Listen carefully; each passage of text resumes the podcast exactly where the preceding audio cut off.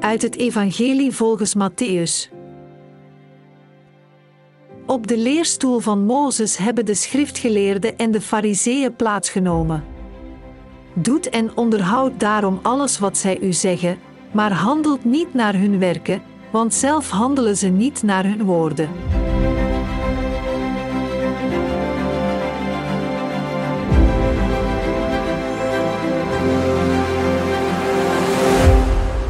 Vrienden, toen onze koning een paar jaar geleden een bezoek bracht aan een verpleeghuis, vroeg hij aan een bewoonster: Weet u wie ik ben?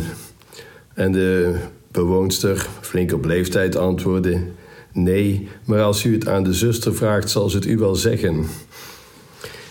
Ik moest aan dit komisch voorval denken toen ik het evangelie van vandaag doornam en de zin tegenkwam: Wie zichzelf verheft, zal vernederd worden. De koning kon overigens wel lachen hoor om eh, het antwoord van deze vrouw. Iemand heeft eens gezegd: Een trots hart is als een schots en scheef hek. Alle verf in de wereld kan het nog niet recht maken. Ik vind het wel aardig uitgedrukt. Het probleem met trots is niet iets nieuws. Kijk eens naar het evangelie van vandaag. Jezus zegt dat de mensen wel moeten doen wat de fariseeën hen vertellen, maar dat ze hun voorbeeld zeker niet moeten navolgen. Oftewel, wat ze zeggen klopt wel, maar zelf doen ze niet wat ze zeggen. Zwelgend van zelfgenoegzaamheid lopen ze rond op de straten, de pleinen. Ze zoeken de ereplaats op in de synagoge, in de tempel. Ze dragen de mensen allerlei moeilijke dingen op, zware lasten, maar zelf raken ze er met geen vinger aan. Dat soort zaken. En kritiek op zulke mensen eh, ligt voor de hand. En, en terecht. In onze tijd zijn er nogal wat mensen die kritiek hebben op de kerk, op wat de kerk verkondigt. En Jezus zelf raadt ons aan om kritisch te zijn. Waarom niet? Wees gerust kritisch op mensen die het geloof verkondigen, maar er zelf niet naar leven. Maar, zegt Jezus, maak niet de fout om tegelijk af te kraken wat ze verkondigen.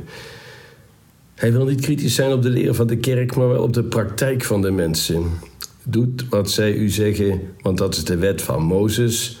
En die leer komt juist van, van God. Maar doet niet wat zij doen, want dat is hooghartig gedrag. Veel kritische mensen maken dat onderscheid niet. Dat is jammer, want ze zien de menselijke kant. Ze zien pastoors en bisschoppen en kerkgangers dat ze ook hun gebreken hebben en zeggen dan: ja, als zulke mensen het geloof verkondigen, dan zal het geloof ook wel niet deugen. En vervolgens schrijven ze gemakshalve maar af wat Jezus in de kerk verkondigen. Nou, zo werkt het dus niet. Toegepast op onze kerk, naar aanleiding van het evangelie. Inderdaad is de buitenkant van de kerk soms heel menselijk en daarmee dus heel kwetsbaar. Bisschoppen en priesters hebben in de hele geschiedenis soms hele scheve schaatsen gereden. De eerste paus, Petrus, die gaat ons altijd voor in menselijke zwakte. Hij verloochende Jezus tot driemaal toe, zoals we weten, toen het vuur hem al te na aan de schenen werd gelegd. Stelt je eens voor dat onze paus driemaal openbaar zou zeggen: Jezus, ik ken hem niet. En toch werd Petrus niet door Jezus afgeschreven, integendeel. De prachtige kerken in Rome zijn gebouwd door een opeenvolgende serie pausen die niet voor zaligverklaring in aanmerking komen. En we moeten als kerk misschien ook maar toegeven dat we in de tijd lang niet altijd de juiste keuzes hebben gemaakt. Soms ook wel natuurlijk.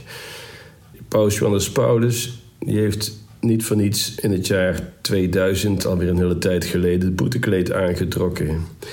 Gelovigen hebben zo hun gebreken, maar dat wil nog niet zeggen dat het geloof niet deugt. En zo is het ook in onze eigen parochie, eigen bisdom, in onze tijd. Het is niet anders. Ook pastoors zijn mensen die fouten maken in de omgang met mensen, in de omgang met het heilige. Ook, ook priesters, ook wij kunnen mensen afstoten door onze middelmatigheid. En ook ik maak lang niet altijd waar wat ik verkondig, wat ik preek. En we zouden huigelaars zijn om dat te ontkennen. En in zoverre zijn de lezingen van vandaag voor mij als priester ook een echt gewetensonderzoek. De uitkomsten daarvan zijn niet bestemd voor de preekstoel, maar ze worden wel serieus genomen. Wees daarvan overtuigd. Al deze punten van het menselijk gezicht van de kerk moeten we eerlijk onder ogen zien en in de goede zin van het woord onder kritiek stellen. Voor heel veel mensen in onze kerk gaat op: doet wat zij u zeggen, maar doe niet wat zij doen, want zij zelf maken niet waar wat ze anderen voorhouden. Overigens, niet alleen de priesters blinken uit in middelmatigheid, maar ook de massa onverschilligen die van huis uit katholiek zijn, maar daar verder in niets van laten blijken dat ze het zijn. En die hebben vaak de meeste kritiek. En die kritiek heeft vaak niets te maken met hoe gelovigen zich gedragen, maar met eigen gemakzucht. En dat is iets anders. Ik merk het altijd, hoe zwakker het geloof, hoe harder de roep om allerlei dingen af te schaffen. Zogenaamd omdat het niet van deze tijd is, maar eigenlijk omdat ze zelf niet aan het ideaalbeeld voldoen en ook niet de moeite willen doen om eraan te voldoen. Maar geloof zit niet te wachten op gemakzucht, maar om inspanningen. Om juist alle mogelijke moeite te doen om Jezus na te volgen. Om heiligen zitten we verlegen. En Jezus is veel eisend, want een ideale wereld bouw je niet op gemakzucht, maar op opoffering. De kerk is een heilige kerk, omdat het de kerk van Christus is. De kerk is een zondige kerk, omdat het mensen zijn die het werk van Christus moeten voortzetten. De kerk van Jezus is opgebouwd aan, uit meer dan, wat is het, een miljard gedoopten, die samen heel veel zegen brengen, maar ook voor veel wantoestanden zorgen. Is dat erg? Ja en nee. Jezus heeft een kerk gewild van mensen en waar mensen aan het werk zijn, nou daar vertonen zich gebreken, dat kan niet anders. Zoals we al vaker hebben gezegd, heeft hij vooral stollenaars en zondaars aangetrokken. Maar wel zondaars die de wil op willen brengen om hun leven anders in te richten. En niet gemakzuchtig langs de kant te gaan zitten uh, en maar kritiek uit te oefenen en zelf helemaal niets doen om Jezus' idealen te volgen. Omdat het er dan op neerkomt dat je je leven anders moet inrichten. Het is ga heen, barmhartigheid en zondig niet meer. En niet zoals in onze tijd, ga heen en ga rustig verder, maar waar je mee bezig was. Nee, dan zitten we op het verkeerde spoor. Op priesters, bisschoppen, gelovigen uh, die scheve schaatsen rijden, mag iedereen kritiek hebben. Dat is terecht. Praat alsjeblieft niet goed wat niet goed is. En zeker niet om die reden bijvoorbeeld het celibaat maar af te willen schappen. Omdat sommigen het in de praktijk niet kunnen of willen naleven. Dezelfde pastoors en bisschoppen moeten overigens niet de fout maken een half lauw geloof te verkondigen. De woorden van Jezus maar af te zwakken en te relativeren en meer aan de tijd aan te passen, omdat ze zelf niet beantwoorden aan wat Jezus en wat de kerk van hen vraagt. Dat we tekort schieten in het beleven wat we verkondigen is tot daaraan toe. Dat we afdruk doen aan Jezus' woorden is veel erger. Jezus vraagt bekering, geen zouteloze hap. Als ik in heden en verleden de kerk onderzoek, dan zie ik een mooie, ongeschonden geloofschat. Ik zie een kerk die zich daarvoor inzet. Dat is mijn kerk, de kerk van ons allen. En daarvan onderscheid ik de gebrokenheid en ik probeer het een plaats te geven, want ook dat komt voor in diezelfde kerk die ik lief heb. En dan weet ik, ondanks zwakke mensen leidt de Heilige Geest de kerk. En het grootste wonder is dat ze nog steeds bestaat. Als het mensenwerk was, ja, dan was het al lang afgelopen.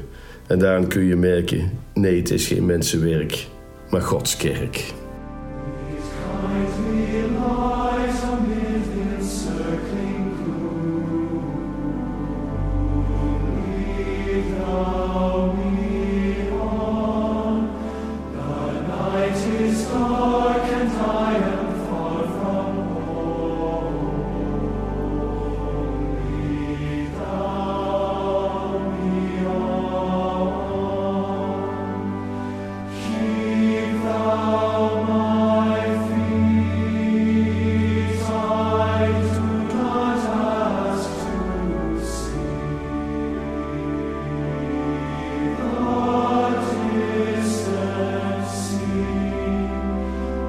said.